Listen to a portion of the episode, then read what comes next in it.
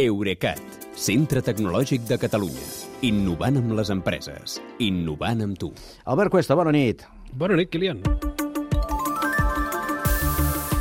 Aviam, no sé si ens hem de començar a preocupar, però la intel·ligència artificial ja és aquí, supera la fase experimental, comença a impregnar productes existents, Microsoft Word i Outlook escriuran sols els documents i els missatges, sí?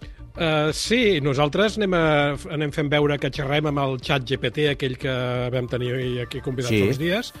Mentrestant, uh, Microsoft està negociant invertir 10.000 bilions de dòlars amb el, cal, amb el capital d'OpenAI, que és l'empresa que hi ha al darrere del robot de text aquest, del xat GPT, a canvi de quedar-se amb el 75% dels beneficis fins que hagi recuperat la inversió que, i en aquest moment passaria a tenir un 49% de la propietat. 10.000 milions, eh? Què n'espera Eh. treure Microsoft? Eh, de fet, de- 10.000 milions que s'afegeixen amb els 1.000 que ja va invertir fa 3 anys. O sigui, 11. Uh, sí. No vindrà de Ah, 1.000, no vindrà de 1.000. Tira, ja tira. no ve d'aquí, aquesta gent Exacte. eh, tenen la butxaca grossa, diguéssim.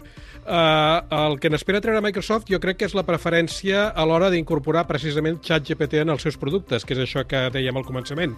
A més de fer una versió del cercador Bing de Microsoft que et doni respostes en comptes de donar-te com ara una llista d'enllaços web, es preveu que altres aplicacions de Microsoft, com el processador de textos Word i el gestor de correu Outlook, facin servir ChatGPT per generar eh, automàticament documents i missatges complets a partir d'una breu indicació de l'estil eh, redacta amb un treball de 2.000 paraules desmentint els efectes nocius de les radiacions electromagnètiques de les antenes de telefonia o envia-li a aquest client un, un missatge educat però contundent reclamant que ens pagui la factura que ens deu.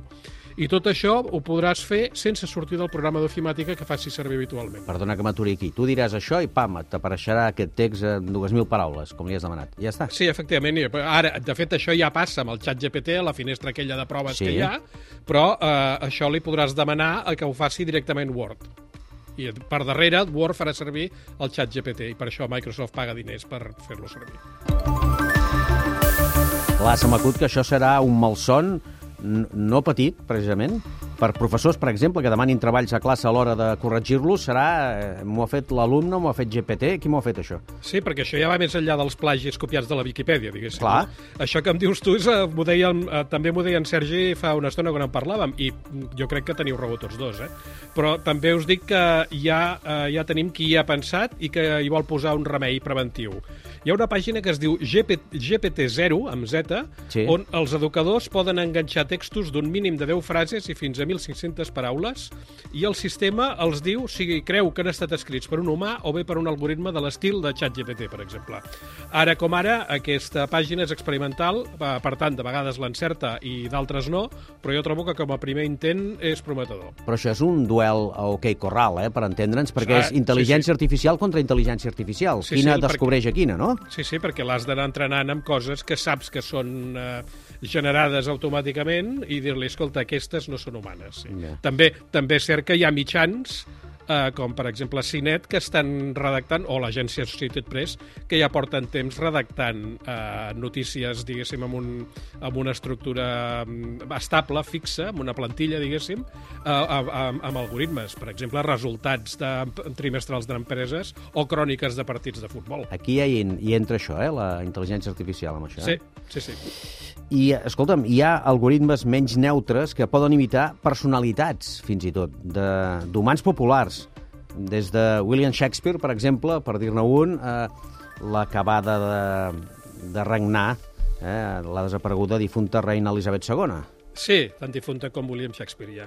Uh, com sabem, aquests uh, sistemes conversacionals, perquè ho hem comprovat, uh, el que fan és respondre d'acord amb l'entrenament que han rebut.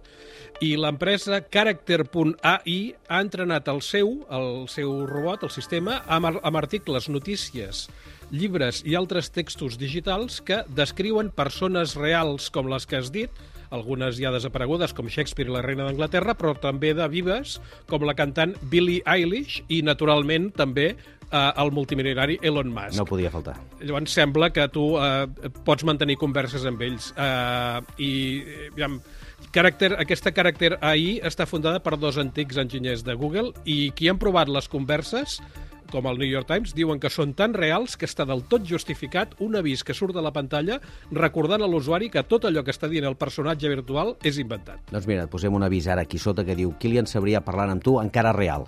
Encara. Encara. Demà hi tornem, veurem si n'hi ha un altre. Que vagi bé. Bona nit, Kilian. Fins demà.